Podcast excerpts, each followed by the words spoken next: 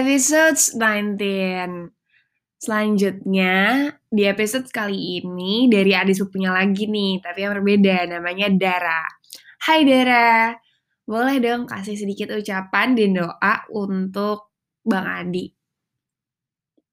Happy birthday buat Bang Adi yang ke-24 tahun. Semoga ke depannya Bang Adi makin sukses dan semua keinginan Bang Adi terwujud.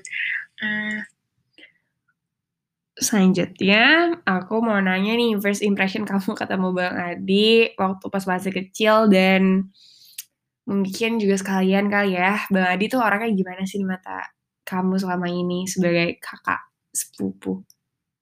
first impression aku ketemu Bang Adi sih sejujurnya aku rada takut karena emang waktu pertama kali ketemu tuh aku masih SD dan Bang Adi SMA.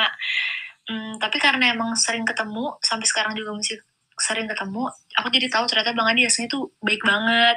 Dia tuh sayang keluarga banget dan dia pekerja keras banget. Dia tuh dari dulu kayak mau berusaha sendiri gitu. Itu sih yang aku tahu dari Bang Adi. Hmm, pokoknya semoga Bang Adi sukses terus dan langgang sama Kak April. Amin.